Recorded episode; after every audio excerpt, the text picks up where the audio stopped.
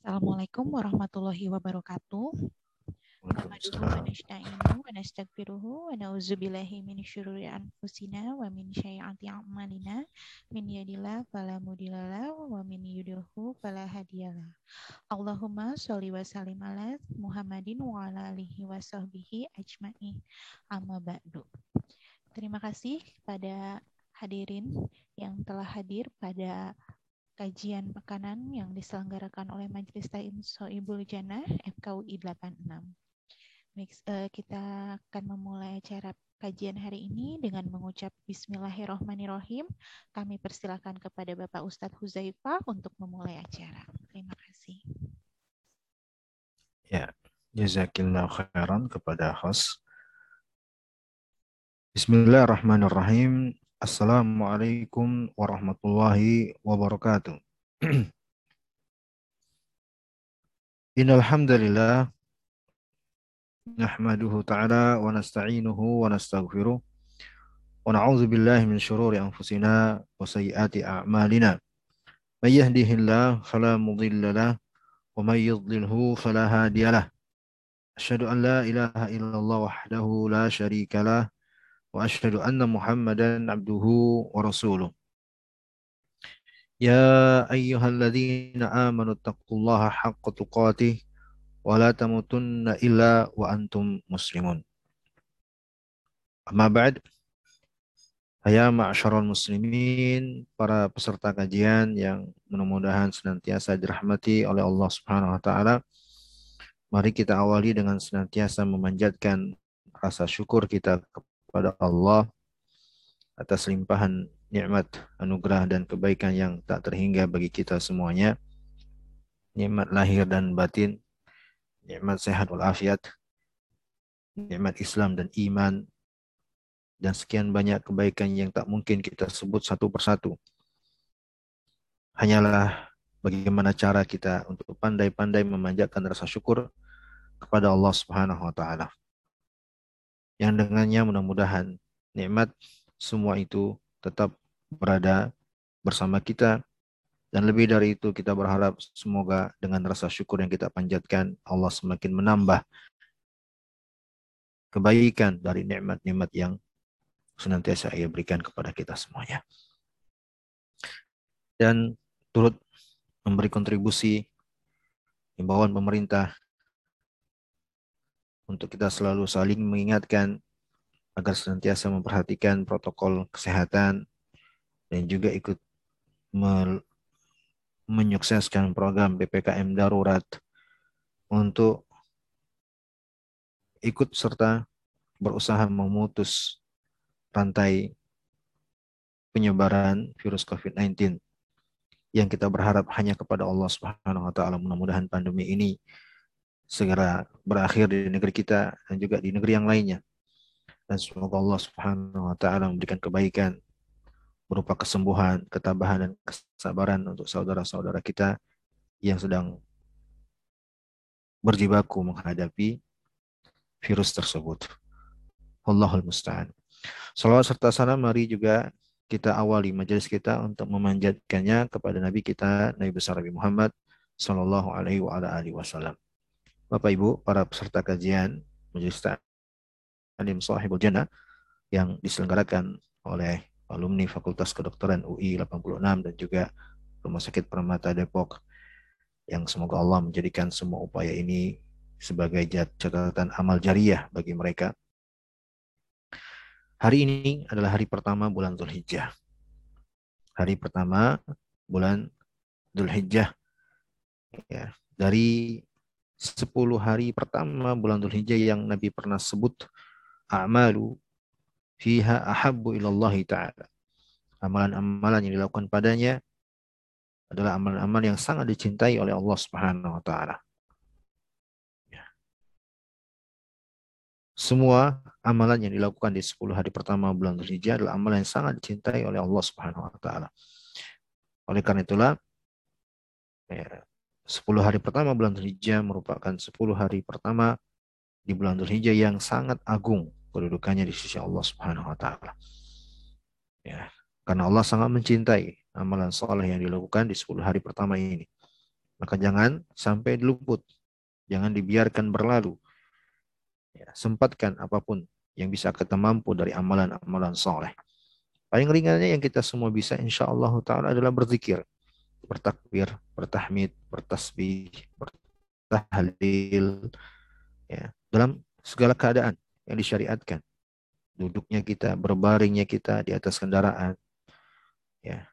Dan itu semua sangat dicintai oleh Rob kita semua. Ya. Maka Bapak Ibu yang saya hormati dan saya muliakan, mari kita rebut kecintaan Allah Subhanahu wa taala ini dengan mengisi 10 hari pertama ini dengan memperbanyak amalan soleh. 10 hari pertama bulan Dzulhijjah ini merupakan hari-hari yang sangat mulia. Kenapa? Karena terdapat juga di dalamnya amalan-amalan yang sangat agung. Ya, di antaranya adalah amalan kurban. Ya. Yang ditunaikan pada tanggal 10 Dzulhijjah hingga berakhirnya hari tasyrik. Oleh karena itulah dalam rangka membekali diri kita dengan ilmu ya, sesuai dengan tuntunan. Apakah bersumber dari Al-Quran atau dari Rasulullah SAW dengan hadis-hadis yang sahih kita akan membahas pembahasan yang terkait dengannya ya berupa kita bedah buku ya yang ditulis oleh saya sendiri dengan judul ku persembahkan kurbanku untukmu ya Allah. Bisa dilihat di layar Bapak Ibu semuanya risalah kecil yang memuat di dalamnya panduan ringkas fikih ibadah kurban dan disebut di sana bahwa risalah atau buku kecil ini merupakan edisi revisi dari tahun ke tahun ya dan ini sudah cetakan atau uh, revisi yang keempat di tahun 2021. ya, kita akan langsung masuk pembahasan Bapak Ibu yang saya hormati dan saya muliakan. Karena pembahasan kita konsepnya adalah bedah buku, maka majelisnya bisa kita adakan dengan bentuk interaktif. Jadi kalau peserta kajian yang hadir di sini ingin memberikan interupsi dan masukan atau catatan, silakan aja disampaikan secara langsung. Ya, kita langsung masuk kata penulis dengan memohon Bismillahirrahmanirrahim dengan memohon pertolongan hanya kepada Allah Subhanahu wa taala. Berikut beberapa permasalahan secara ringkas terkait dengan pelaksanaan ibadah kurban. Ya, penulis mengawali risalahnya dengan isti'anah atau memohon pertolongan hanya kepada Allah Subhanahu wa taala. Dan hendaknya demikian dalam segala aktivitas kita, Bapak Ibu yang saya hormati dan saya muliakan, agar memulai dengan memohon pertolongan kepada Allah Subhanahu wa taala. Wala haula wala quwata illa billah. Demikian yang dicontohkan oleh Nabi sallallahu alaihi wasallam, para sahabatnya dan orang-orang soleh terdahulu.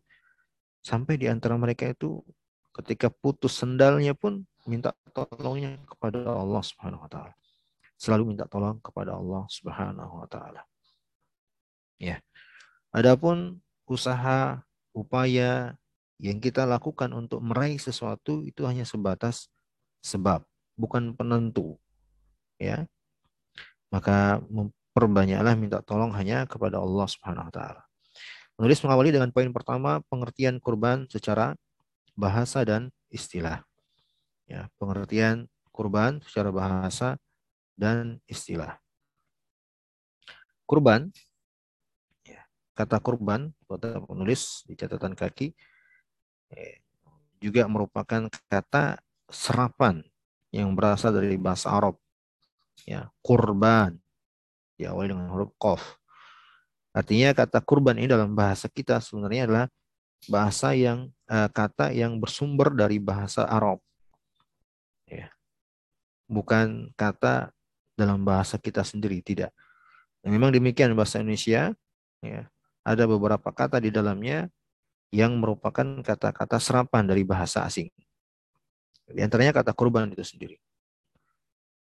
Adapun kata penulis disebut dengan udhiyah. Kurban juga disebut dengan udhiyah dalam istilah syariatnya. Yang dituju dari kata ini adalah hewan yang disembelih sehingga para ulama menjelaskan bahwa secara bahasa udhiyah itu artinya adalah hewan yang disembelih untuk dikorbankan di waktu duha. Ya. Inilah makna kurban secara bahasa. Adapun definisi secara istilah, maka kurban itu artinya adalah hewan ternak yang akan disembelih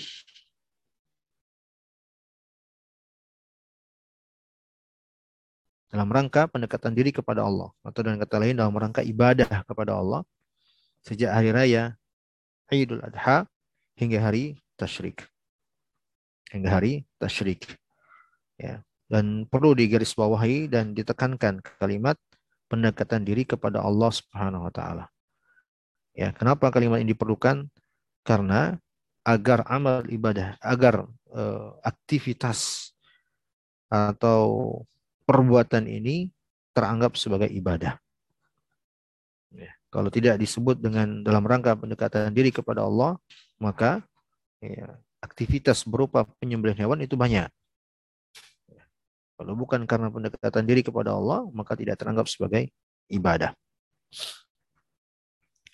Dan dalam penggunaan secara istilah, hewan yang dikorbankan ini juga disebut dengan beberapa penyebutan lain ya dalam penyebutan secara istilah.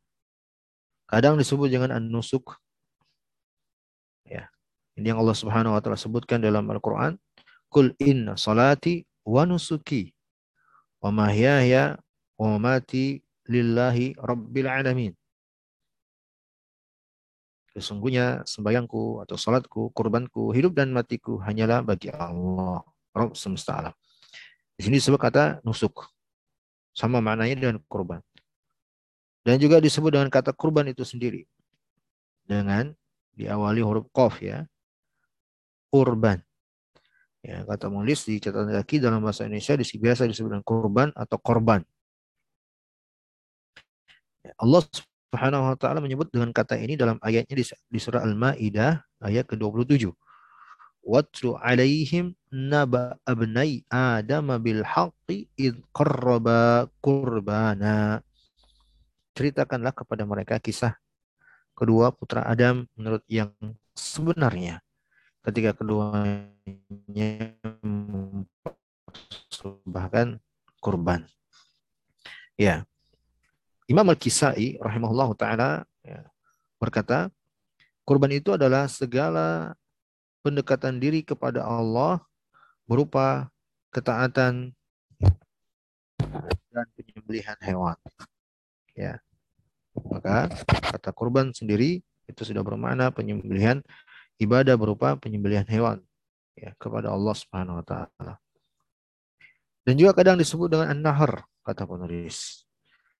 Kata an-nahr ini juga Allah Subhanahu wa taala sebutkan di dalam Al-Quran surah Al-Kawthar ayat ketiga yang kita semua sudah hafal insya Allah. Wasalli li rabbika wanhar. Maka dirikanlah salat karena Tuhanmu dan berkurbanlah. An-nahar. Wanhar. Jadi Bapak Ibu peserta kajian yang saya hormati dan saya muliakan, inilah beberapa penyebutan dalam syariat kita. Dalam Al-Quran atau hadis. Ya, Kadang disebut an-nahr, kadang disebut kurban itu sendiri, kadang disebut dengan nusuk. Ya. Sehingga ketika kita mendapatkan beberapa ayat atau hadis dan kata-kata tersebut, ya, maka maknanya adalah kurban. Inilah yang akan kita bahas. Poin yang kedua, kata penulis, keutamaan dan hikmah ibadah kurban. Kata penulis Hafizahullah dalam pelaksanaan ibadah kurban itu terdapat hikmah yang sangat banyak. Dan mengetahui pembahasan ini, yakni mengetahui keutamaan dan hikmah, ini juga salah satu perkara yang besar untuk membantu keikhlasan. Ya, untuk membantu keikhlasan ketika beramal. Ya. Bagaimana caranya agar bisa membantu keikhlasan? Menjadikan niat, menjadikannya sebagai eh, landasan niat kalau menunaikannya. Nah ini Bapak Ibu yang saya hormati dan saya muliakan ketika kita mengamalkan sesuatu amalan, Kalau kita ingat keutamaannya, ya, sehingga kita jadikan sebagai pendorong untuk kita beramal, itulah keikhlasan. Itulah keikhlasan. Ya, jadi tidak tepat kalau dikatakan keikhlasan itu tidak mengharapkan apa-apa. Tidak. Justru keikhlasan itu mengharapkan sesuatu. Tapi dari sisi Allah Subhanahu wa taala dengan keutamaan-keutamaan yang telah ia sebutkan tetapkan. Ya. Jadi keikhlasan tidaklah dikatakan ya dengan konsep tidak mengharapkan imbalan apa pun. Tidak. Justru keikhlasan itu mengharapkan imbalan, balasan, dari sisi Allah Subhanahu wa taala. Dan kalau keikhlasan dimaknakan dengan kemurnian atau ketulusan, maka itu artinya mengharapkan balasan atau imbalan hanya dari Allah Subhanahu wa taala. Murni hanya dari Allah Jalla wa'ala. Dia tidak mengharapkan selain Allah. Baik. Adapun terkait dengan ibadah kurban, apa hikmah dan keutamaannya? Akan kita sebutkan satu persatu sebagaimana yang ditulis oleh penulis dalam risalah ini. Cuman penyebutan ini kata penulis di catatan kaki nomor 6 adalah berdasarkan dalil yang sahih. Ya, berdasarkan dalil yang sahih. Ya. Kenapa ditekankan kalimat ini? Sebab ya, ada penyebutan-penyebutan keutamaan tentang ibadah kurban yang tidak berdasarkan dalil yang sahih. Misal, ada yang menyebutkan keutamaan kurban itu ya nanti hewan kurbannya akan menjadi tunggangan atau kendaraan baginya bagi sahibul kurban di atas sirat. Ya, jembatan yang terbentang di atas neraka jahanam. Nas'alullah assalamu alaihi Ya. Atau ada juga yang menyebut keutamaan kurban itu setiap helai bulu hewan kurban itu ada hasanatnya, ada pahalanya. Maka azimu duhayakum. Ya, perbesarlah atau carilah hewan kurban yang besar. Bapak Ibu, peserta kajian rahimakumullah, penyebutan-penyebutan keutamaan hewan kurban seperti ini ya, yang pertama tidaklah sahih. Riwayatnya adalah riwayat-riwayat yang dhaif. Ya. Dan yang kedua secara makna juga tidak bisa dibenarkan. Kalau dikatakan keutamaan kurban itu, ya, hewan kurbannya akan menjadi tunggangan kelak bagi sahibul kurban di atas sirat sehingga dia selamat dengannya, maka ini artinya bertentangan dengan ayat Al-Quran. Bertentangan dengan ayat Al-Quran. Ya, di mana Allah Jalla wa'ala sebutkan bahwa yang selamat kelak di atas sirat itu adalah orang-orang yang bertakwa. Di surat Maryam Allah firman, wa iminkum illa wariduha kana ala rabbika hatman maqdi kana dzalika ala rabbika hatman maqdiyah thumma nunajjil ladzina taqaw wa nadharu adh-dhalimina fiha jisiyah tidak ada seorang pun di antara kalian melainkan pasti akan melewati as-sirat. Ya, jembatan yang terbentang di atas neraka. Semoga Allah menyelamatkan kita semuanya. Thumma nunajjil eh, kana ala rabbika hatman maqdiyah dan hal itu telah dipastikan, ditetapkan oleh Rabb. Lalu kami selamatkan orang-orang yang bertakwa. Orang-orang yang bertakwa. Orang-orang yang berusaha menjalankan perintah. Orang-orang yang berusaha menjauhi larangan. Itulah yang akan selamat. Di atas sirat kelak. Berdasarkan ayat ini. Lalu kalau dikatakan yang selamat adalah orang-orang yang berkorban dengan hewan kurbannya, bagaimana kiranya kalau orang yang tidak mampu berkorban? padahal dia bertakwa. Ya. Sehingga ya kontradiksi jadinya. Ya. Demikian juga keutamaan yang disebut bahwa setiap helai dari bulu hewan kurban tersebut dan terdapat padanya hasanat atau pahala. Bagaimana bagi yang berkurban dengan onta yang ya, sedikit sekali bulu di tubuhnya? Ya, kasihan dong. Maka ini kontradiksi-kontradiksi secara makna yang menunjukkan bahwa penyebutan keutamaan dengan hal-hal seperti ini adalah tidak dibenarkan. Sehingga di sini penulis tekankan kalimat bahwa penyebutan keutamaan atau hikmah dari ibadah kurban ya hanya berdasarkan dalil-dalil yang sahih saja. Yang pertama sebagai amalan dalam rangka menunjukkan kecintaan dan tauhid kepada Allah Subhanahu wa taala. Ya, dalam rangka menunjukkan kecintaan dan tauhid, cinta dan pengestaan ya, kepada Allah Subhanahu wa taala. Karena dengan mengamalkan ibadah kurban itu mencurahkan upaya dan hartanya yang ia cintai untuk dipersembahkan kepada Allah Ta'ala. Ya, kul inna salati wa nusuki wa mahyaya wa mati lillahi rabbil alamin. Katakanlah, sungguhnya salatku, kurbanku, hidup dan matiku hanyalah bagi Allah Rabb semesta alam. Maka berkurban itu berarti menunjukkan kecintaan dan pengesaan hanya kepada Allah. Sebab di dalam ayat disebut hanya bagi Allah Rabb semesta alam. Ya, inilah tauhid. Hadirin yang saya hormati dan saya muliakan. Ya. Hadirin Bapak Ibu yang saya hormati dan saya muliakan, untuk kita ketahui bersama bahwa agama kita adalah agama rahmatan lil alamin. Agama yang mengajarkan kasih sayang kepada semua pihak, bahkan kepada hewan sekalipun. Dan agama kita mengajarkan larangan untuk menyakiti siapa pun walaupun kepada hewan. Tidak dibenarkan menyakiti hewan. Maka demikianlah juga agama kita melarang untuk membunuh hewan tanpa alasan yang dibenarkan. Tanpa alasan yang dibenarkan. Ya. Maka tatkala kita ingin menyembelih hewan, harus dipastikan alasannya karena perintah Allah.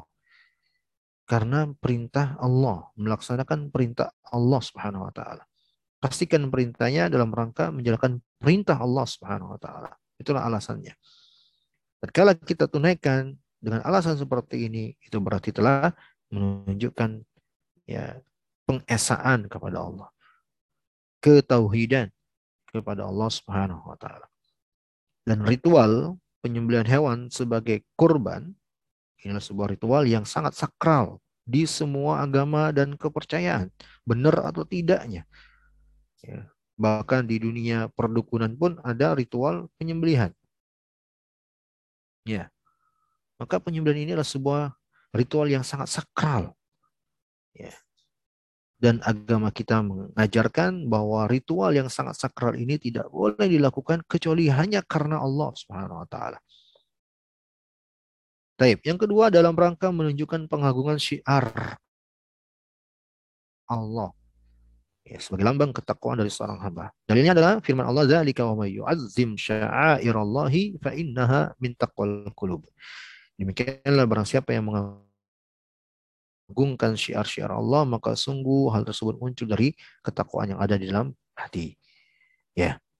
Kemudian ketiga, untuk mendekatkan diri kepada Allah Subhanahu wa taala dengan menumpahkan darah hewan sebagai bukti ketakwaan padanya.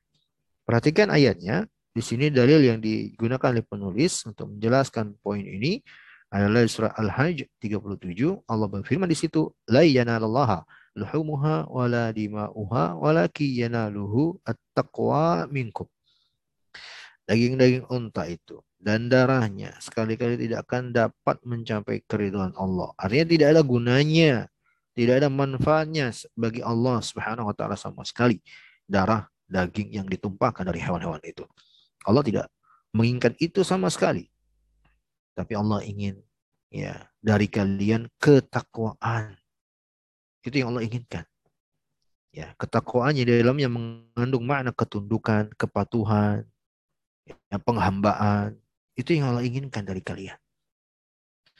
Bapak Ibu peserta kajian yang saya hormati dan saya muliakan, ini juga ya, penjelasan yang mengandung makna ya, pembeda antara sesembelihan kaum muslimin, orang-orang yang bertauhid dan menghambakan diri kepada Allah dengan sesembelihan di luar Islam. Kalau sesembelihan yang ada di dalam agama lain, apalagi di dunia perdukunan, itu darah dan daging dari hewan sesembelihan atau kurbannya itu sangat diperhitungkan. Sangat ya suci bagi mereka. Ya, bahkan dioles-olesi dengan darah-darahnya, Ya, dagingnya juga tidak boleh diperlakukan sembarangan dan seterusnya.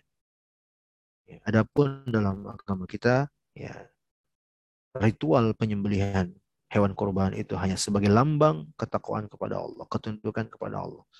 Darah dan dagingnya tidak ada. gunanya sama sekali di hadapan Allah Jalla wa'ala. Kemudian selanjutnya kata penulis menghidupkan ajaran Nabi Ibrahim alaihi salatu wassalam.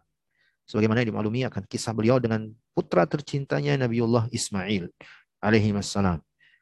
Yang diperintahkan oleh Allah untuk disembelih. Lalu pada akhirnya malaikat mendatangkan kibas sebagai gantinya. Inilah cikal bakal syariat ibadah kurban bagi umat generasi setelahnya. Ya, sebagaimana dimaklumi kisahnya ya. Bahwa Allah Subhanahu wa taala memerintahkan Nabi Ibrahim untuk menyembelih anaknya. Ya. Dan Nabiullah Ibrahim pun pasrah dengan perintah itu. Putranya juga Ismail menerima perintah itu dengan sepenuh hati.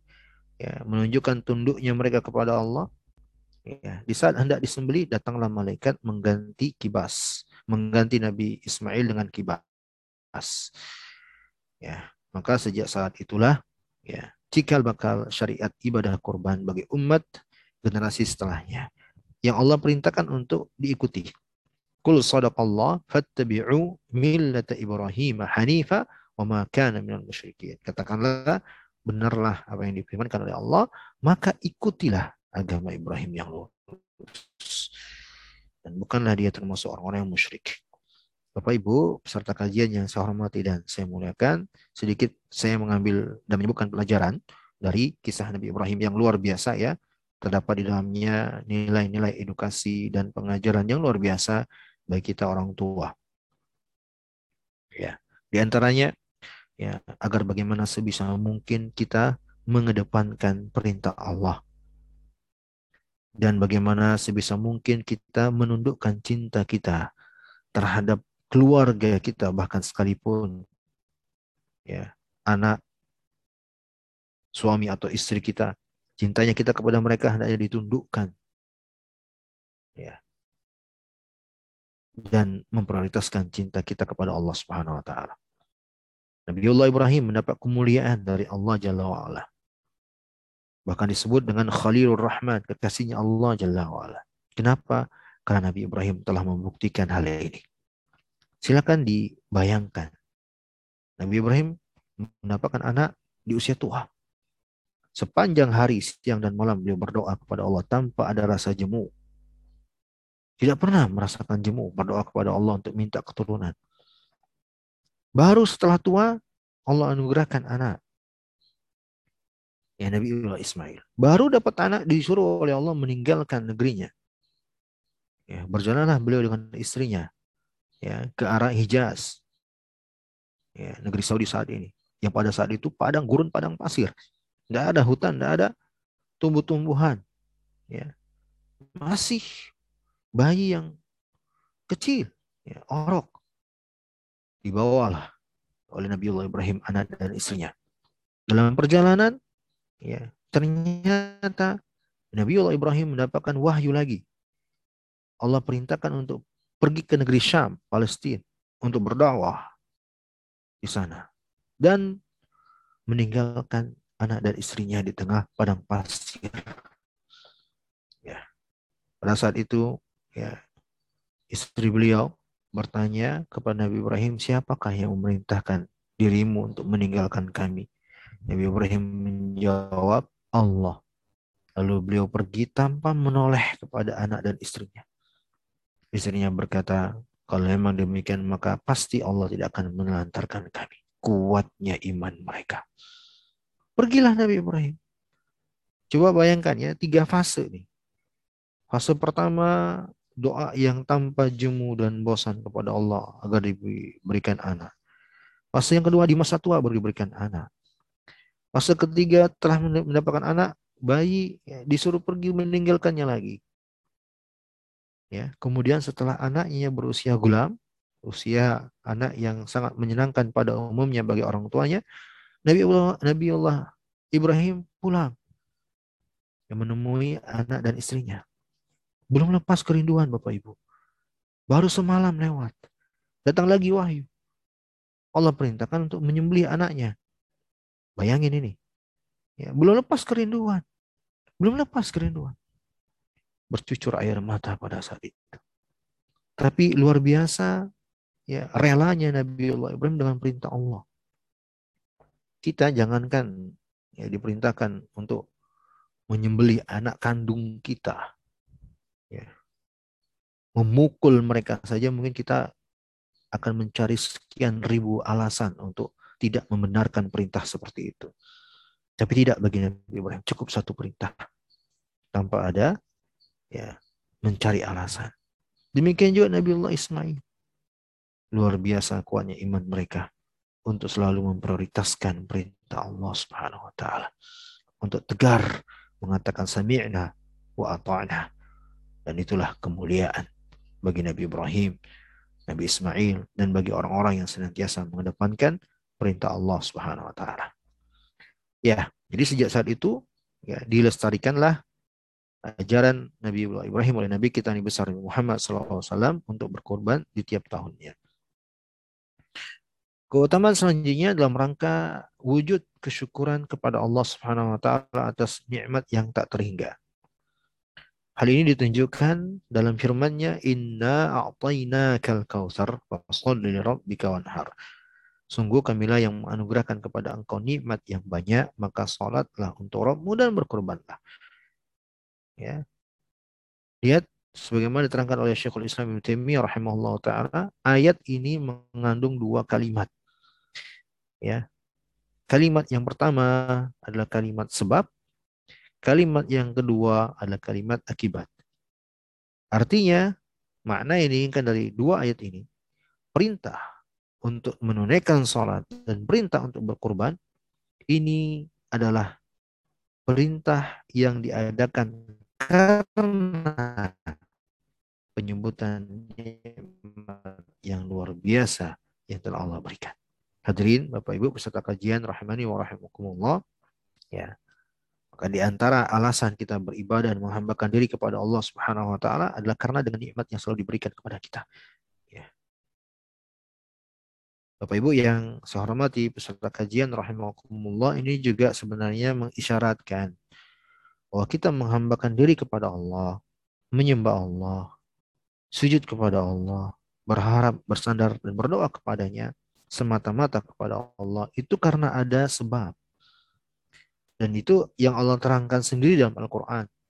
Di antara sebabnya karena Allah lah yang menciptakan kita. Ya ayuhan nasu'budu rabbakum alladhi khalaqakum. Wahai sekalian manusia, sembahlah Rabb kalian yang telah menciptakan kalian. Artinya Allah sebut di sini sebagai alasan untuk kita menyembahnya karena dialah yang menciptakan kita. Dan ayat ini juga menyebutkan alasan kenapa kita salat kepada Allah. Kenapa kita berkorban? Karena nikmat yang telah senantiasa Allah beri kepada kita. Maka rasa syukurnya adalah dengan menunaikan salat dan menunaikan kurban. Jadi kalau ada yang mengatakan cinta kepada Allah adalah cinta yang tidak ada alasan sama sekali, itu tidak benar. Hadirin yang saya hormati dan saya muliakan, adanya kecintaan pada sesuatu itu adalah rasa yang timbul karena adanya alasan. Karena adanya suatu alasan. Cinta yang lahir tanpa adanya alasan sama sekali tidak akan mungkin ada. Mustahil. Tidak ada mungkin ada cinta tanpa alasan. Itu mustahil. Ya. Tapi di sini diterangkan oleh Syekhul Islam Ibnu Taimiyah pelajaran tentang ayat. Kata beliau, Allah telah perintahkan untuk mengumpulkan dua ibadah, yaitu salat dan berkorban. Dua ibadah yang menunjukkan pendekatan diri, kerendahan diri, fakirnya diri, prasangka baik, kuatnya keyakinan, ketenangan hati kepada Allah, dan terhadap janjinya. Berbeda dengan keadaan orang yang angkuh lagi congkak, yang tidak merasa butuh kepada Allah, yang tidak butuh salat kepada Allah, yang enggan berkorban karena takut rugi secara finansial. Oleh karena itulah, dua ibadah yang dikumpulkan dalam satu firman-Nya, fasol li rabbika wanhar. Dua ibadah yang sangat agung, salat dan kurban. Dan kurban kata beliau adalah hewan yang disembeli karena dan untuk Allah, karena dan untuk Allah dengan mengharapkan wajahnya. Maka dua ibadah tersebut merupakan amalan yang sangat mulia untuk mendekatkan diri kepada Allah. Sebab dalam susunan kalimat pada ayat tersebut didatangkan dengan huruf fa. Jadi yang saya sebutkan ya adanya sebab dan akibat. Artinya amalan tersebut ditunaikan dengan sebab untuk menunjukkan rasa syukur terhadap anugerah dan karunia yang Allah beri berupa nikmat yang sangat banyak. Kalau kita cermati ini Bapak Ibu, peserta kajian rahimakumullah maka tidak ada alasan bagi kita untuk tidak bersyukur kepada Allah. Apa pun dan bagaimanapun keadaan kita.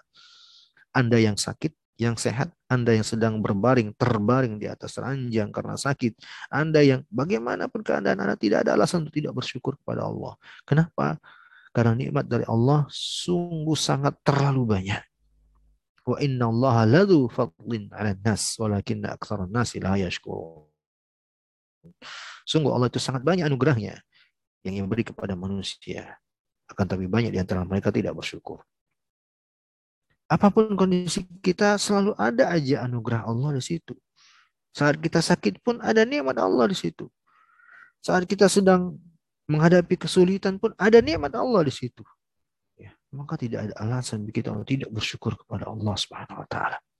Tidak ada alasan untuk kita meninggalkan sholat. Tidak ada alasan bagi kita untuk bersedekah. Tidak ada alasan bagi kita untuk meninggalkan kurban sebagai wujud rasa syukur kita kepada Allah Subhanahu wa taala. Ya. Baik. Kemudian keutamaan terakhir kata beliau dalam rangka berbagi kegembiraan bersama hewan kurban. Abu Ayyub Al-Ansari radhiyallahu taala berkata, "Kana الرجل يضحي بالشاة عنه وعن أهل بيته فيأكلون ويطعمون حتى تباه الناس. Ya, darinya lah mereka semua makan dan membagikannya kepada yang lain sehingga orang-orang pun bergembira dengannya. Ya, itulah keutamaan beberapa keutamaan dan hikmah dari ibadah kurban. Kita berpindah ke poin selanjutnya, kata penulis penetapan syariat kurban. Ibadah kurban telah disebutkan pensyariatannya dalam Al-Quran, Sunnah, dan juga ijma' para ulama. Allah Subhanahu wa taala berfirman, "Wa likulli ummatin ja'alna mansakan liyadhkuru ismallahi 'ala ma razaqahum min bahimatil an'am." Fa ilahukum ilahu wahid falahu aslimu wa basyiril mukhbitin. Yang artinya dan bagi tiap-tiap umat telah kami syariatkan penyembelihan kurban supaya mereka menyebut nama Allah terhadap binatang ternak yang telah dirizikan Allah kepada mereka. Maka Rabbmu ialah Rabb yang Maha Esa. Karena itu berserah dirilah kepadanya dan berilah kabar gembira orang-orang yang tunduk lagi patuh. Al-Hajj 34. Demikian juga dalam sunnah Nabi kita SAW ya sebagaimana disampaikan oleh Anas bin Malik selalu berkorban. Kata beliau radhiyallahu anhu, kana yudahi bi kabshayn amlahayn aqranayn wa sami wa yakabbir wa laqad ra'aituhu yadhbah biyadihi. Ya, beliau berkurban dengan dua ekor kibas yang amlah lagi bertanduk. Ya, ketika hendak menyembeli, beliau membaca tasmiyah dan bertakbir. Dan aku melihat beliau menyembeli dengan tangan beliau sendiri. Di sini direkam Bukhari dan Muslim. Oleh karena itulah, para ulama telah ijma' berdasarkan ayat dan hadis tersebut bahwa ibadah kurban merupakan salah satu syariat dalam agama Islam. Ya, salah satu syariat dalam agama kita. Poin selanjutnya hukum ibadah kurban. Ya. Kata penulis, setelah para ulama sepanjang zaman telah ijma' bahwa kurban merupakan salah satu syariat agama kita, salah satu ajaran dalam agama kita, dan sangat ditekankan untuk menunaikannya, mereka sepakat akan hal ini, maka terdapat perbedaan pendapat tentang hukum ibadah kurban. Yang terkenalnya dari sekian pendapat tersebut adalah antara para ulama yang mengatakan hukumnya wajib dan ada juga para ulama yang mengatakan sunnah muakkadah. Jadi sunnah muakkadah. Ya. Jumhur atau mayoritas fuqaha ahli fikih kita dari para ulama menyebutkan hukum ya hukum kurban itu adalah sunnah muakkadah bukan wajib kita berbicara hukum ya kenapa jumhur berpendapat dengan sunnah muakkadah untuk hukum kurban Jawabannya karena berdasarkan adanya perbuatan dan perkataan dari sebagian sahabat radhiyallahu anhu. Imam Al-Baihaqi dalam sunannya ya Sunan Al-Baihaqi ya dan semua riwayat itu disahihkan oleh Syekh Al-Albani dalam Al-Irwa Al-Ghalil. Ya, disebut dalam riwayat tersebut ya bahwasanya Abu Bakar dan Umar radhiyallahu anhum ini sahabat besar dan juga ada riwayat dari sahabat Ibnu Abbas radhiyallahu taala anhuma bahwa keduanya pernah tidak berkurban sebagai upaya agar jangan dianggap ibadah kurban itu adalah suatu kewajiban. Ya, ada salah seorang sahabat Abu Mas'ud radhiyallahu taala dengan terang-terangan dan tegas menjelaskan hal ini. Kata beliau, "Inni la adha wa ana musirun makhafat ayyara jirani annaha hatmun alayya." Sungguh aku akan tidak akan berkorban kali ini dan sebenarnya saya lapang. Kenapa saya tinggalkan? Karena saya khawatir tetanggaku nanti menganggap kurban itu adalah suatu kewajiban bagiku. Jadi jelas di sini. Para sahabat menerangkan dengan lisan mereka dan perbuatan bahwa kurban itu bukanlah wajib hukumnya, tapi sunnah muakkadah. Sama seperti sholat dua rakaat sebelum subuh yang kita ya berusaha agar jangan pernah ketinggalan. Yang kita kalau luput kadang merasa aduh luput deh sholat sunnah dua rakaat sebelum subuh. Sayang ya merasa sayang dengannya ketika ketinggalan. Sunnah muakkadah. Ya. Maka berdasarkan perbuatan dan ucapan dari para sahabat ini, ya telah tetaplah hukum kurban sunnah muakkadah bukan wajib. Namun, kata penulis, perlu dipahami bahwasanya perbuatan para sahabat tersebut dilakukan dalam rangka menjelaskan hukum. Sebagaimana yang mereka sendiri ungkapkan alasannya. Bukan artinya menganggap remeh ibadah kurban. Ya. Jadi jangan sampai nih ada di antara kita nih ya ada kelapangan ya. Masya Allah, longgar ya. Lalu tidak berkurban. Ditanya, kenapa nggak berkurban? Lalu dia jawab, ingin menjelaskan bahwa kurban itu hukumnya sunnah. Nggak tepat lagi. Ya. Bukan lagi kita Hukum sunnah sudah ditetapkan oleh para sahabat radhiyallahu anhum ajma'in. Jadi jangan lagi meninggalkan kurban dengan alasan ingin menjelaskan bahwa sunnah hukumnya. Tidak. Hukumnya telah tetap. Siapa kita kalau ingin menjelaskan hukum? Hukumnya sudah ditetapkan. Makanya para ulama mengatakan tidaklah selayaknya setiap yang memiliki kemampuan dan kelapangan untuk tidak berkorban. Yang mengingat betapa besarnya hikmah dan makna yang diinginkan kurban itu ya. Penghambaan dan ketundukan kita kepada Allah. Dan juga mengingat bahwa Rasulullah tidak pernah meninggalkan kurban. Maka para ulama mengatakan sunnah tapi muakkadah. Sunnah yang sangat ditekankan. Ya Taib. Poin yang kelima kata penulis berkurban dengan menyembeli hewan. Kurban bukan dengan bersedekah dari nilai harganya. Jadi ya ada ada alternatif. Nah, adanya alasan sehingga dia tidak bisa mengaplikasikannya atau merealisasikannya, maka dia berinisiatif dia ganti dengan sedekah senilai harga kurban. Para ulama menjelaskan tidak seperti itu. Yang utama adalah berkurban dengan hewan kurban dan bukan diganti dengan bersedekah dari nilai harga hewan kurban tersebut.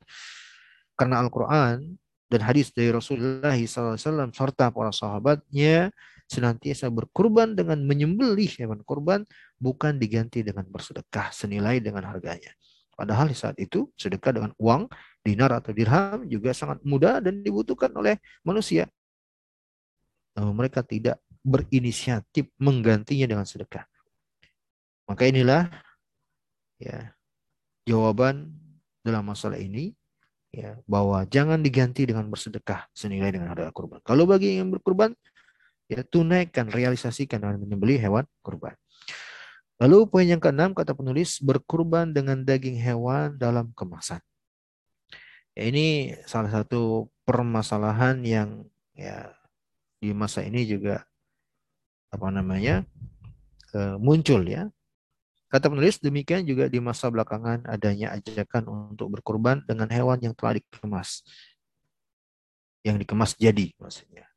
Ini tidaklah sah untuk dianggap berkurban. Para ulama yang terkumpul dalam Dewan Fatwa Saudi Arabia telah mengeluarkan fatwa resmi bahwa berkurban itu tidaklah sah dengan cara engkau beli daging yang telah disembeli dan dikuliti sehingga telah dikemas. Ya, tidak sah berkurban dengan seperti itu. Ya, beli daging yang sudah dipotong, dikemas. Kenapa? Karena niat kurban tidak terwujud tatkala proses penyembelihan sebagai hewan kurban. Ya. Ya, tidak terwujud darimu atau untuk orang lainnya. Sehingga daging tersebut hanyalah daging sembelihan biasa dan bukan kurban. Maka bagi yang telah seperti itu keadaannya wajib untuk mengganti kurbannya di hari-hari tasyrik yang tersisa. Ya, semoga Allah senantiasa beri taufik, salawat serta salam untuk Nabi kita Nabi Sallallahu Muhammad, untuk keluarga dan para sahabatnya. Bapak Ibu yang saya hormati dan saya muliakan, ya beberapa waktu yang lalu nih saya nukil ya, saya kopas ya copy paste dari uh, internet ya. Ini permasalahan yang juga sangat penting kita cermati, apalagi di masa pandemi ini. Saya dapatkan di salah satu sumber ya di internet ini saya browsing dan ternyata benar ya ada yang ajakan untuk berkorban dengan konsep seperti ini. Ini saya kompas kalimatnya disebut di situ dalam situasi meningkatkan pandemi meningkatnya pandemi Berkorban tetap dapat dilakukan dengan mengutamakan manfaat yang lebih besar bagi kemaslahatan umat. Jadi eh, hanya melihat maslahatnya, tapi tidak melihat prosesnya ini. Dikatakan di situ, solusi yang ditawarkan adalah memasarkan hewan kurban yang telah disembeli di rumah pemotongan hewan atau RPH, sehingga lebih higienis dan sesuai syariat. Perhatikan di sini, disebut di situ memasarkan hewan kurban yang telah disembelih. Memasarkan hewan yang telah disembelih. Bapak Ibu, peserta kajian rahimakumullah, saya tegaskan kembali bahwa konsep seperti ini tidak sah sebagai kurban. Ya, alasan yang paling tegasnya, yang pertama, kalau hewan kurban tersebut telah disembeli lalu dikemas dalam kaleng, kemudian dipasarkan sebagai hewan kurban, ini tidak sah karena disembeli bukan untuk dikurbankan tapi untuk dijual namanya.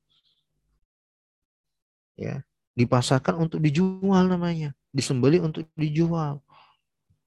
Ya, bukan dikurb untuk kurban. Sebab sebagaimana nanti ya disebutkan konsekuensi ya, hewan telah apabila ditetapkan sebagai hewan kurban.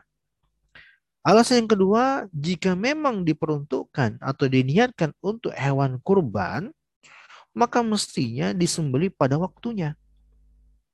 Ya. Waktu penyembelihan itu adalah sejak selesainya salat id sampai tanggal 13 Dzulhijjah. Adapun sebelumnya bukan waktu untuk penyembelihan. Kemudian apabila memang telah ditetapkan sebagai hewan kurban, konsekuensinya tidak boleh dijual. Ya. Apabila telah ditetapkan sebagai hewan kurban. Sebagaimana nanti kita jelaskan konsekuensi hewan yang telah dianggap sebagai hewan kurban. Salah satunya tidak boleh dijual belikan. Ya. Jadi tidaklah sah kurban kemasan dalam kemasan. Kecuali mungkin konsep yang diinginkan dengannya itu karena Alasannya untuk memudahkan dalam distribusi. Ya. Dalam distribusi ya, bagus. Artinya setelah disembeli pada waktunya oleh pekurban atau uh, yang mewakilinya di waktu penyembelihan kurban, kemudian dikemas untuk memudahkan distribusi atau pembagiannya kepada yang berhak menerimanya atau dalam rangka penyimpanannya dikemas, ya ini boleh. Tapi sebelum waktunya telah disembeli, kemudian dikemas ini menyelisihi proses syariat penyembelihan kurban sebagaimana yang telah dimaklumi bersama. Ya, Tayyip.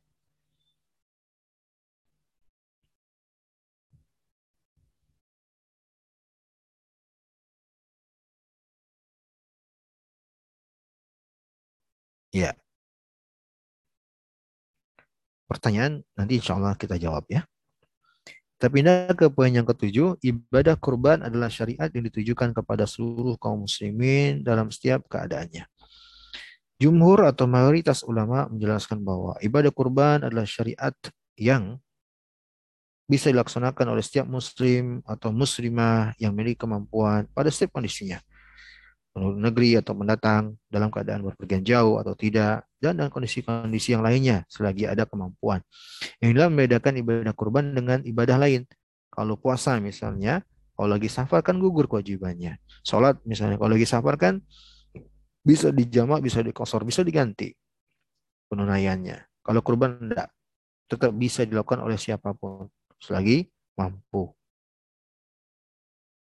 Yang kedelapan kata penulis hafizahullah taala perkara yang di, harus diperhatikan oleh yang hendak berkorban. Perhatikan di sini kalimatnya oleh yang hendak ya. Ini saya tandain kalimatnya oleh yang hendak. Yang hendak itu masih bersifat umum. Berniat baru bersifat umum ya. Belum berazam. Azam itu sudah bertekad ya. Kalau hendaknya hanya berkeinginan biasa. Ah kayaknya pengen kurban ah. Begitu ya.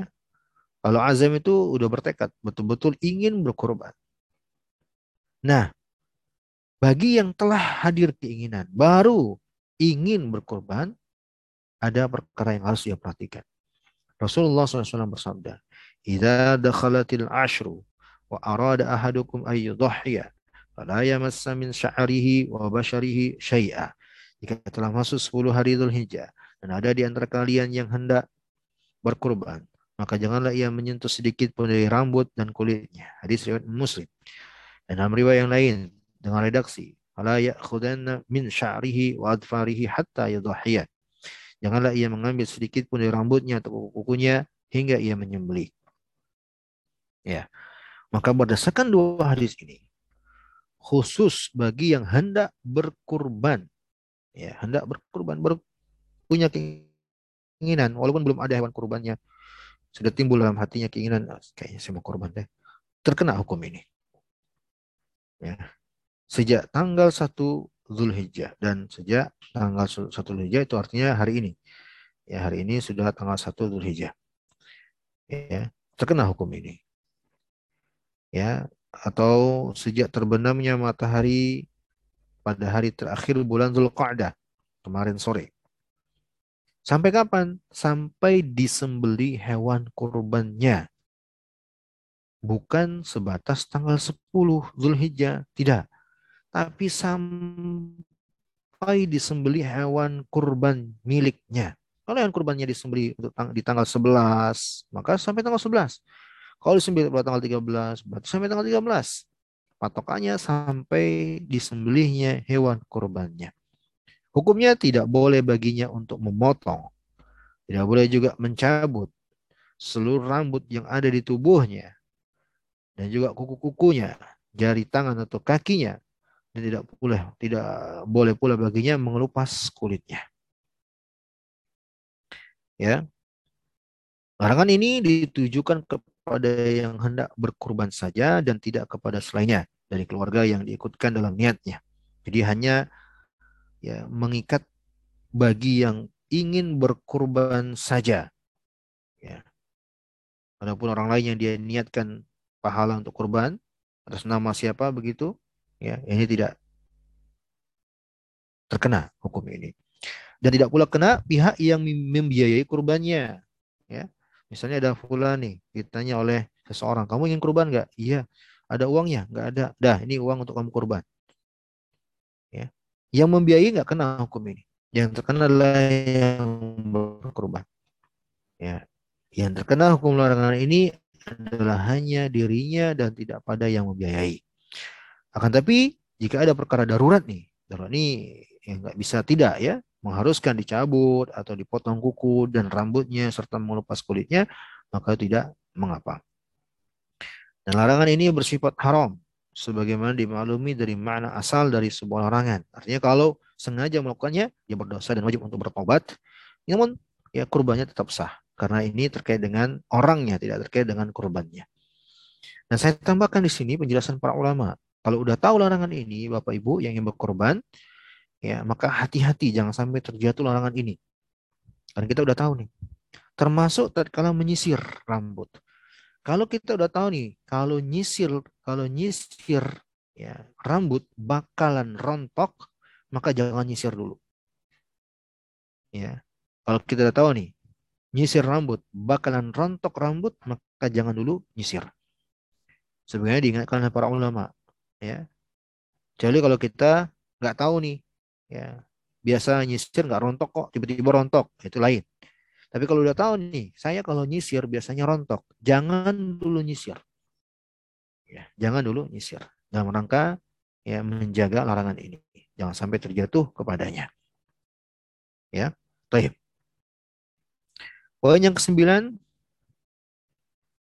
baik, Bapak Ibu yang saya hormati dan saya muliakan, ya, waktunya sudah habis dan memang niat saya ya agar lebih menyeluruh pembahasan dan tidak terburu-buru, eh, saya akan jadikan dua sesi pembahasan tentang korban ini dari bedah buku yang ada di hadapan kita. Jadi karena waktu juga, juga udah hampir jam 10 ya. Jam 9.58, dua menit lagi jam 10. Ya untuk pertemuan kali ini saya cukupkan sampai di sini. Dan insya Allah kita akan sempurnakan di pekan depan, hari Ahad, pertemuan selanjutnya. Insya Allah ta'ala. Saya cukupkan pembahasan untuk hari ini, pagi yang cerah ini sampai di sini. Mudah-mudahan Allah Subhanahu wa taala berikan manfaat darinya dan semoga Allah senantiasa memberikan taufik, petunjuk dan hidayah serta istiqomah kepada kita semua kepada hal yang ia cintai dan ia ridai. Dan khususnya mengisi waktu-waktu kita di 10 hari pertama bulan Dzulhijjah ini dengan memperbanyak amalan soleh. Ya. Mohon maaf atas segala kesalahan dan kekurangan saya cukupkan sampai di sini dan sesi selanjutnya mungkin bisa kita manfaatkan untuk tanya jawab. Saya kembalikan kepada host. Silakan host.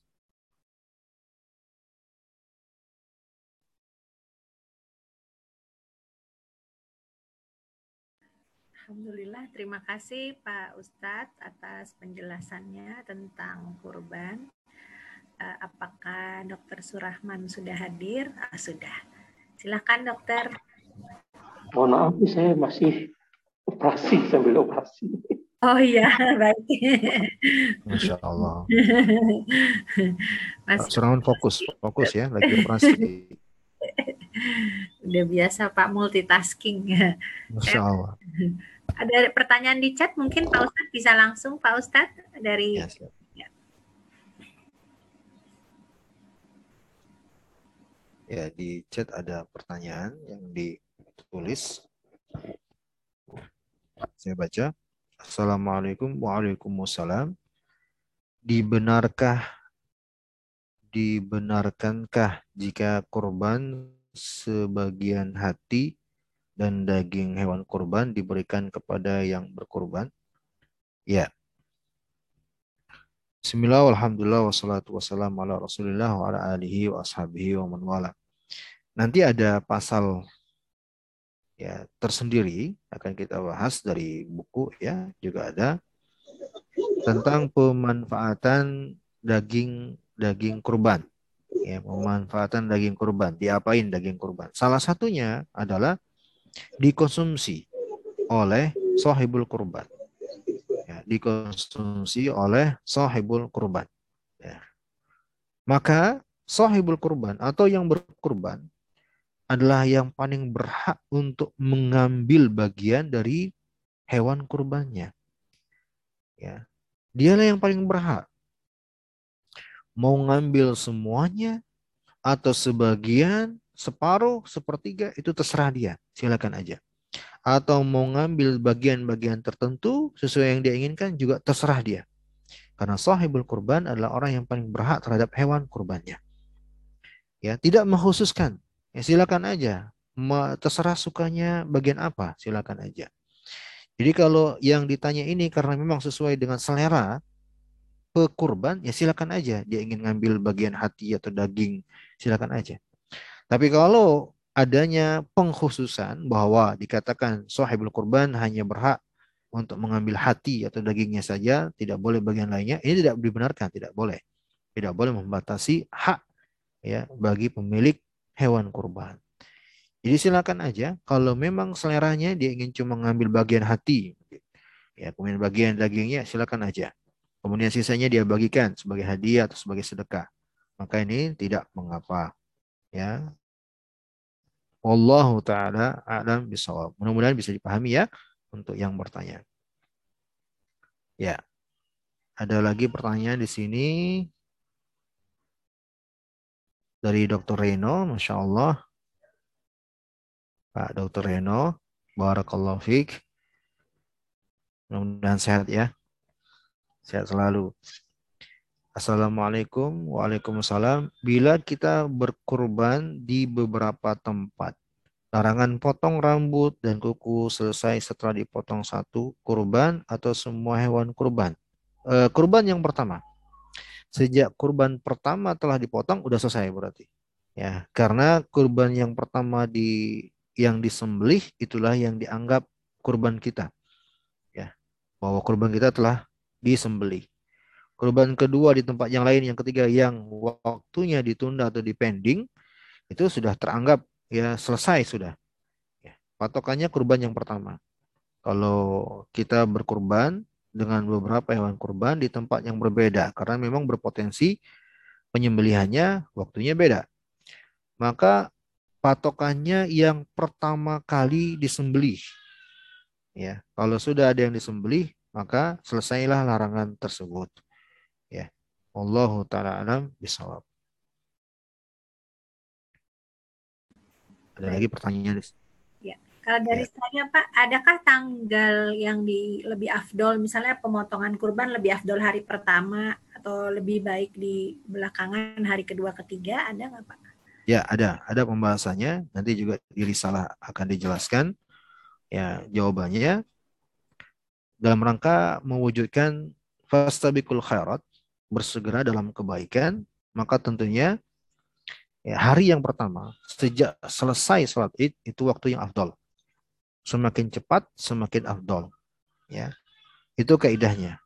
Hanya itulah ketentuannya. Semakin cepat, semakin baik.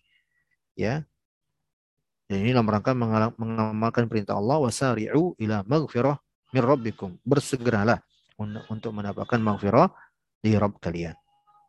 Maka bersegera dalam mengamalkan ibadah itu bagus, itu yang afdol ya itu yang abdol.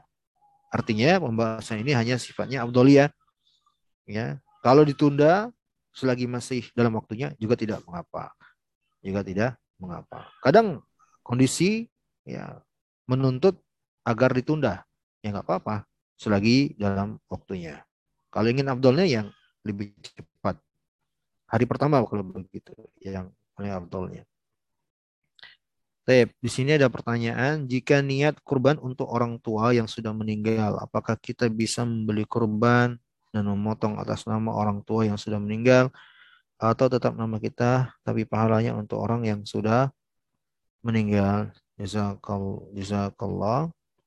Tep, pertanyaannya sangat bagus bagus sekali karena ini termasuk pembahasan atau permasalahan yang selalu rame ya di tengah kaum muslimin. Dan ada disebut oleh penulis di risalah yang kita bahas, yang kita bedah. Ya, ada poin atau pasal tersendiri.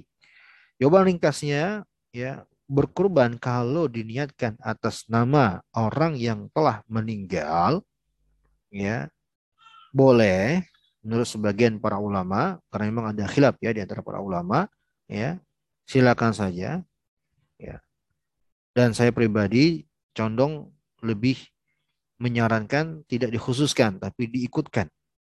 Ya, niatnya tidak disendirikan tapi diikutkan. Ya, jadi misal saya ingin berkorban. Yang berkorban itu saya. Saya beli hewan kurban. Ya. Lalu saya niatkan dalam hati saya dan Allah Maha tahu. Allah Maha tahu segala yang terbetik di niat kita Allah Maha tahu bahwa kita niatkan ya Allah pahalanya ini untuk ayah saya yang sudah meninggal, ibu saya yang sudah meninggal, siapa pun. Itu namanya diikutkan. Kalau bentuk mengkhususkan begini, dia beli kurban, memang dari awal dia niatkan ini kurban atas nama ayah saya yang sudah meninggal. Ya. Tayyip.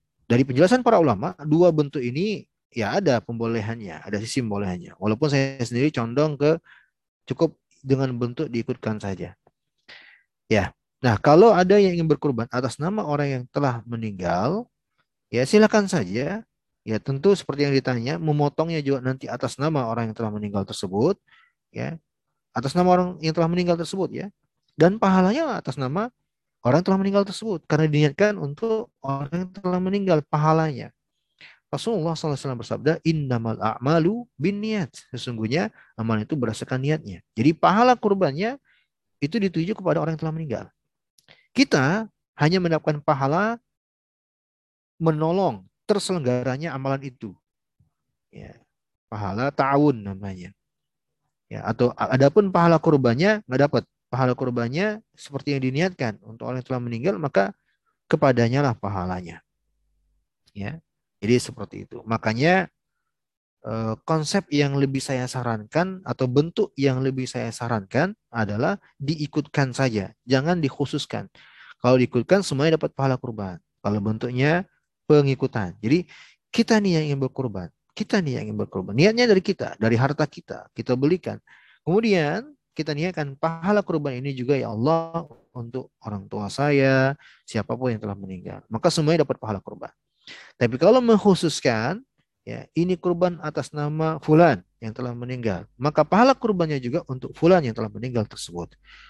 Ya, Insya Allah nanti ada akan rinciannya di tempatnya. Di pertemuan selanjutnya insya Allah akan saya perjelas kembali ya. Assalamualaikum Waalaikumsalam. Terima kasih atas penjelasannya. Izin bertanya apakah bisa berkorban untuk orang yang sudah meninggal baik bila orang yang sudah meninggal tidak ada menyampaikan tidak menyampaikan keinginannya untuk berkorban atau berkorban sama orang tua setiap tahunnya. Boleh. Boleh ya. Tidak pernah menyampaikan dan berpesan pun boleh kita niatkan uh, pahala kurban untuk mereka dan itu sampai insya Allah. Kalau di ada pesan itu namanya wasiat, ya berarti kurbannya karena wasiat dan itu lebih kalau kurban yang ditunaikan karena adanya wasiat itu wajib ya bukan sunnah muakkadah lagi karena menjalankan wasiat itu hukumnya wajib ya menjalankan wasiat itu hukumnya wajib. Jadi sama saja apakah ada pesan atau tidak pesan atau wasiat tidak ada wasiat, silakan saja berkorban atas nama orang yang telah meninggal. Insya Allah juga nanti akan ada pembahasan tersendiri terkait dengan hal ini. Baik. Ada lagi pertanyaan di sini dari Assalamualaikum. Assalamualaikum warahmatullahi wabarakatuh. Waalaikumsalam warahmatullahi wabarakatuh. Izin bertanya, uh, terkait kan ini ada banyak nih eh, amalan-amalan yang kita amalkan setelah uh, 10 bulan Zulhijjah awal ini kan termasuklah uh, berpuasa. Nah, kira-kira uh, pada saat itu Nabi itu tuh ada enggak puasa 9 hari berturut-turut? Atau hanya puasa 9 uh, satu hari saja? Yakni 9 Zulhijjah ya. Puasa Arafah. Ya. Rasulullah SAW bersabda dalam hadis yang diriwayatkan oleh Bukhari dan Muslim ma min ayamin al-a'malu ahabba ilallahi min hadhil ashar Tidaklah ada hari-hari yang Allah sangat mencintai amalan-amalan padanya kecuali 10 hari ini. Ya. Tidaklah ada amalan-amalan bentuknya umum yang hari-hari yang dilakukan di hari-hari yang sangat Allah cintai kecuali 10 hari ini. Ya. Nabi bersabda dengan kalimat umum al-a'mal ya, dengan kata uh, yang bersifat jama atau majmu dan sifatnya umum, tidak menyebut ya dengan spesifikasi tertentu, amalan-amalan umum. Ya. Di hari-hari ini ya, yang paling Allah cintai. Bahkan dalam hadis sebut mengalahkan amalan berupa jihad. Yang juga merupakan amalan yang sangat dicintai oleh Allah. Tidak ada yang mengalahkannya. Kecuali bagi yang keluar untuk berjihad dengan harta bendanya dan darahnya dan dia tidak kembali dengan apa pun. Nah, itulah yang mengalahkan kecintaan Allah untuk amalan soleh yang dilakukan di 10 hari pertama bulan Dzulhijjah ini. Sehingga karena Nabi menyebut dengan sifat umum amalan-amalan. Ya, maka itu artinya semua bentuk amalan, termasuklah puasa karena puasa juga termasuk amalan ibadah yang sangat agung. Ya. Jadi tidak perlu kita mempertanyakan apakah Nabi berpuasa di 10 hari pertama ini tidak karena secara lisan Nabi telah mengisyaratkan hal tersebut. Ya, Nabi membolehkan dengan kalimat umum amalan-amalan. Jadi seandainya Nabi Shallallahu Alaihi Wasallam pun tidak berpuasa 10 hari pertama bulan Dzulhijjah ini, beliau tidak mengamalkan, tapi secara lisan, mantuk dengan lisan beliau membolehkan hal tersebut. Ya, karena Nabi menyebut dengan amalan-amalan. Jadi kalau ada yang mengisi 10 hari pertama ini dengan puasa, ya juga berdasarkan dalil. Dalilnya anjuran dari Nabi untuk mengisi dengan amalan-amalan soleh di 10 hari pertama ini. Dan tentunya puasa termasuk amalan saleh. Ya. Apalagi di dalam beberapa riwayat ya para sahabat juga ada mengatakan bahwa Nabi SAW juga mengisi hari-hari 10 hari pertama ini dengan puasa. Ya. Adapun puasa tanggal 9 Dzulhijjah terus puasa Muhar, uh, puasa Arafah ini adalah puasa yang sangat agung. Ya, yang mudah-mudahan Allah berikan taufik untuk kita semua bisa menaikkannya dan mudah untuk mengamalkannya agar kita jangan sampai luput darinya. Nanti insya Allah tanggal 9 Zulhijjah sebagai puasa Arafah. Jadi itu jawabannya. Silakan aja kalau ingin mengisi 10 hari pertama bulan Zulhijjah ini dari tanggal 1 sampai tanggal 9 dan puasa atau dengan yang lainnya. Itu bagus. Itu semua berdasarkan dalil secara umum dari Nabi Shallallahu Alaihi Wasallam. Ya. Saya baca pertanyaan di chat dulu ya. Dari atas nama Juju. Assalamualaikum, Waalaikumsalam.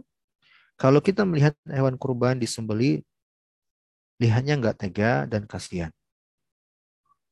Apakah hewan kurban diterima atau tidak? Dan sebaiknya apa yang harus kita lakukan biar pahala kurban dan keikhlasannya diterima? Terima kasih banyak jawabannya. Tep, rasa tega atau tidak tega adanya penyembelihan itu tidak mengusik keabsahan kurban ya. Kalau kita nggak tega melihat proses atau prosesi penyembelihan, maka diwakilkan aja kepada panitia. Tolong disembeli dan nggak usah disaksikan, nggak masalah. Ya, kalau kita nggak bisa dan nggak mampu untuk menyembeli. Ya. Hanya bersifat anjuran saja, abdoliyah saja. Kalau bisa kita yang menyembeli sendiri, kalau nggak bisa menyembeli kita hadir dan menyaksikan, itu memang ada anjurannya. Nanti kita bahas di buku, insya Allah di pertemuan selanjutnya. Ya, tapi kalau nggak nggak hadir, nggak juga bisa menyembelih, mah nggak apa-apa. Nggak usah dilihat, ya nggak apa-apa dan uh, tidak diharuskan juga. Kemudian pertanyaannya, apa yang harus kita lakukan biar pahala kurban dan keikhlasannya diterima? Ilmu. Makanya ini yang kita tempuh, belajar ya di majelis taklim dan kita berterima kasih kepada penyelenggara. Ya, semoga Allah menjadikannya sebagai amal jariah untuk setiap pihak yang telah uh, memberikan kemudahan dan usahanya untuk terselenggaranya majelis taklim kita tiap pekan ini. Dan di dua pekan ini insya Allah kita akan membahas khusus tentang kurban. Ilmu yang kita bahas itulah yang diinginkan dengannya supaya kita bisa beramal di atas ilmu dan itulah keikhlasan. Itulah keikhlasan. Ya, kita tidak akan bisa selamanya mewujudkan keikhlasan dengan benar dan tepat tanpa petunjuk dari Allah Subhanahu wa taala kemudian dengan ilmu. Ya, saya katakan ikhlas yang benar.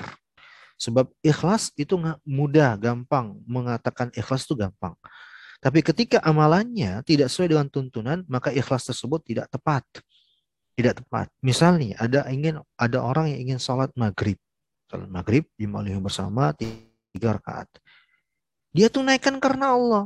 Semata-mata ingin mengharap, mengharapkan balasan dari Allah. Tapi dia tunaikan salat maghribnya dengan empat rakaat. Ikhlasnya ini benar tidak? Tidak benar.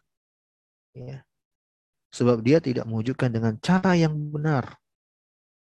Ya. Karena di antara makna ikhlas itulah tunduk dan patuh hanya kepada Allah. Hanya kepada Allah. Dan salah satu perintah Allah Jalla wa'ala agar kita beribadah sesuai dengan tuntunan. Itulah ikhlas. Taib ya. Jadi kepada penanya ya mari hadir bersama belajar ikuti kajian mulai hari ini dan insya Allah akan kita lanjutkan nanti di pekan depan. Dan uh, nanti mungkin Bu host sudah membagi ya share uh, artikelnya. Silakan dibaca. Nanti kalau di rumah silakan dibaca-baca dipelajari sendiri. Untuk nanti di pertemuannya akan datang silakan diajukan kalau ada pertanyaan terkait dengan materi yang ada di risalah. Ya. Ya? Insya Allah. Ya, ibu host saya tanya dulu bu hostnya bu host ada ibu hostnya di sini ya, uh, VDM-nya sudah di share kepada peserta kajian PDF-nya sudah saya kirim ke dokter April ya. Nanti minta teman ya. share di grup. Nah. Atau di sini Baik. bisa. Nah, itu ber... chat aja bisa nggak? Boleh sebentar saya. Link linknya di chat ya, karena kan ada yang ya. Ya. Jadi silakan aja para peserta kajian nih, alhamdulillah ada kemudahan untuk bisa memiliki artikel yang kita bahas ya risalah atau makalah ya tulisan yang kita bahas. Silakan nanti dibaca-baca, dipelajari. Jika mendapatkan permasalahan, ya dikumpulkan, nanti diajukan untuk di pertemuan selanjutnya insya Allah. Dan itulah upaya untuk ikhlas. Sekali lagi, itulah upaya untuk ikhlas. Ikhlas itu adalah beramal ya hanya karena mengharapkan balasan dari Allah Subhanahu wa taala dengan tunduk dan patuh padanya. Termasuk dalam mewujudkannya. Tunduk dan patuh sesuai dengan perintah Allah Jalla wa ala dan perintah Rasulullah SAW. Ini kalau ikhlas ditunaikan ibadah sesuai dengan petunjuk Nabi SAW, betul-betul sempurna sudah amal ibadah itu. Tapi kalau ikhlas hanya beralasan mengharapkan balasan dari Allah, tapi ya amalannya tidak sesuai dengan tuntunan, maka itu tidaklah dikatakan sebagai keikhlasan yang benar lagi tepat. Ya, ada pertanyaan dari Dokter Adia. Dalam satu satu keluarga apakah kurban atas nama suami maka seluruh keluarga sudah terikuti atau sendiri-sendiri atas nama suami sendiri, istri sendiri-sendiri. Tapi permasalahan ini juga nanti insya Allah akan saya bahas di pertemuan yang akan datang karena ada pembahasan tersendiri atau pasal tersendiri. Jawaban ringkasnya boleh. Yang paling utamanya adalah mencukupkan mencukupkan satu keluarga satu kurban aja. Ya, satu keluarga yang diinginkan ini uh, penyebutan satu keluarga ini maksudnya adalah keluarga dalam satu atap yang memiliki kepala rumah tangga ya dengan anggota keluarga yang dia nafkahi. Ini yang diinginkan dengan satu keluarga, bukan satu keluarga yang tidak uh, satu rumah ya, tidak. Satu keluarga yang diinginkan di sini adalah satu rumah, satu atap dengan anggota keluarga ya ditanggung oleh satu kepala rumah tangga nafkahnya. Itu yang diinginkan dengan penyebutan satu keluarga. Dari eh, satu keluarga ini ya, anjurannya satu aja cukup. Ya, jadi suami berkurban, apakah dia berkurban untuk satu ekor kambing atau dia berkurban satu dari tujuh untuk sapi atau onta misalnya, ya. Adapun keluarganya, istri dan anak-anaknya sudah mencukupi itu, ya. Tidak berkurban lagi juga sudah mencukupi. Pahalanya mereka semua dapat pahala kurban. Tapi kalau ada anggota keluarga lain ingin juga berkurban, itu tidak mengapa. Itu tidak mengapa dan itu sudah uh, sebagian ulama mengatakan cukup bagus dan bahkan dalam beberapa kondisi bisa dikatakan abdul. Ya, taib. Insya Allah nanti akan kita uh, detailkan jawabannya untuk permasalahan ini di pertemuan yang akan datang. Ya, jangan sampai ketinggalan episode selanjutnya. Tape, itu sudah di-share ya oleh host di kolom chat kepada para peserta silakan diunduh ya. Ya, ada pertanyaan dari Bu Dr. Dewi. Assalamualaikum Waalaikumsalam. Jika ingin berkorban di kampung, lebih baik minta dibelikan hewan di kampung atau sembeli di rumah lalu kirim dagingnya ke kampung. Terima kasih. Pada asalnya eh, hewan kurban itu distribusi kambingnya uh, dilakukan di mana penyembelihan dan distribusi kambingnya di mana dilakukan sembelihan. Itu pada asalnya. Nanti akan ada uh, disebut dalam risalah yang akan kita bahas bahwa pada asalnya uh, pembagian daging kurban itu ya di mana disembelihnya hewan. Jadi tidak keluar daerah kecuali ada alasan tertentu. Ada hajatnya. Pada asalnya di situ disembeli, di sanalah dibagikan. Ya. Di situ disembelih, sudah dibagikan. Tidak dibagikan keluar daerah. Kecuali kalau ada alasan atau hajatnya. Adapun ya kaitan dengan pertanyaan, ya seperti tadi yang telah saya jelaskan. Dan kalau seandainya ingin memang berkurban di kampung sementara kita di sini, maka yang bagusnya adalah titip kirim uang aja, belikan hewannya di kampung. Belikan hewannya di kampung. Karena tentunya di antara uh, penentuan abdoliyah hewan kurban itu kadang dilihat dari sisi kemanfaatan sesuai dengan tempat di mana ingin disembelihnya hewan kurban. Dan itu tidak akan terwujud kecuali dengan menyesuaikan tempat.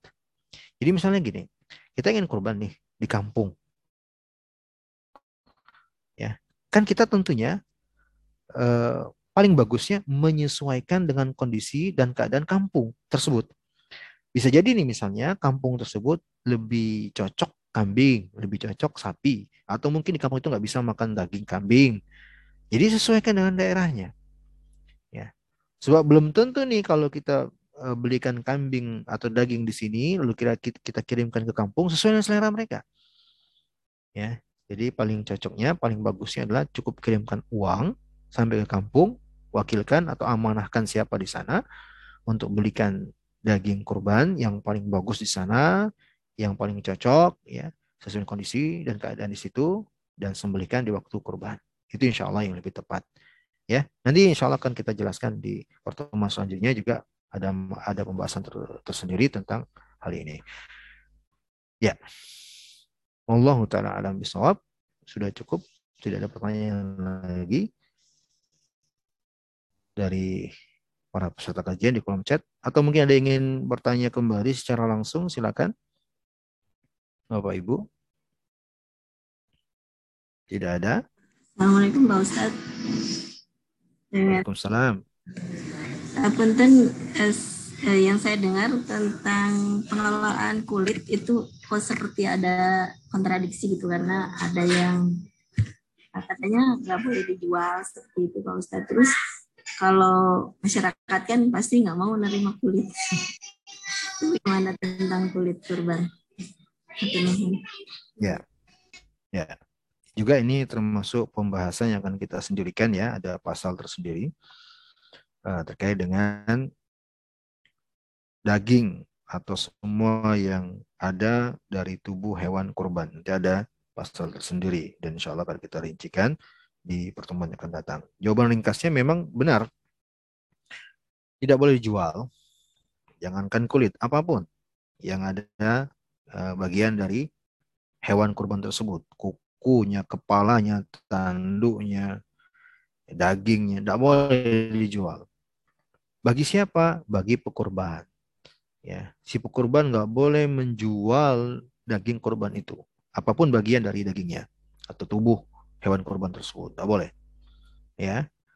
Yang boleh hanyalah bagi pihak yang telah dibagikan atau yang diberikan hewan tersebut atau dagingnya.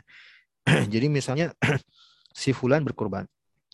Dari daging hewan kurbannya sebagian dia berikan sebagai hadiah dan sebagian dia berikan sebagai sedekah kepada masyarakat. Nah, masyarakat yang menerima ini kalau mereka ingin jual silakan tidak mengapa bagi mereka untuk menjualnya. Ya, atau mau mereka manfaatkan dengan kemanfaatan yang lain silakan aja terserah bagi mereka karena mereka bukan pekurbannya. Ya, yang dilarang adalah bagi pekurban. Karena hewan kurban itu kalau telah ditetapkan sebagai hewan kurban maka statusnya wakaf. Tidak boleh diambil keuntungan darinya sedikit pun. Ya. Saya. Adapun eh, ternyata mungkin ada bagian dari hewan kurban tersebut yang tidak bisa dimanfaatkan tidak tidak ada yang ingin memanfaatkannya. Misalnya nih di sebuah tempat tidak ada yang mau kulit kurban. Ya maka kalau memang tidak ada kemanfaatannya atau tidak bisa dimanfaatkan dibuang aja atau dikuburkan. Ya sama seperti saya ketika di Timur Tengah orang Arab itu rata-rata ya tidak suka apa yang kayak handuk itu ya di bagian tubuh. Apa ya namanya ya? Uh, kalau orang Jawa kan sangat suka sekali itu. Kayak soto babat itu. Ya. orang-orang paling nggak suka itu. Mereka nggak mau mengelola itu. Ya, kalau memang tidak ada yang ingin mengelola dan tidak mau mengambil manfaat darinya, dibuang. Ya, begitu. Ya, dibuang mungkin ke hewan yang bisa mengkonsumsinya dan seterusnya ya, supaya tetap ada manfaat, tidak mubazir sama sekali. Ya. Kalau seandainya memang tidak ada pilihan lain, tidak ada yang bisa betul-betul memanfaatkannya hewanmu tidak ada, ya kubur aja. Begitu. Ya. Allah taala alam bisawab. Begitu Bu Tis Nasari, mudah-mudahan bisa dipahami.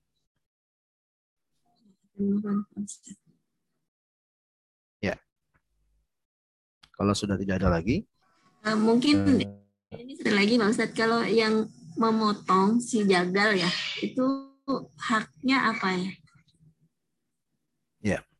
Sama saja ya. Tidak sama. Ya apakah pemotongnya atau yang menguliti atau yang mencincang panitia ya panitia penyelenggara kurban mereka berhak untuk diberi balas jasa mereka berhak diberi balas jasa ya atas upaya dan tenaga yang mereka telah curahkan untuk terselenggaranya kurban ya maka diberi upah tapi sebagai upah jangan dari hewan kurban itu aja sih intinya jangan diberi sebagai upah dari bagian hewan kurban tersebut untuk mereka kalau ingin memberi mereka sebagai upah, berilah dari yang lain. Apakah uang atau yang lain. Jangan diambil bagian dari hewan kurban tersebut sebagai upah untuk mereka.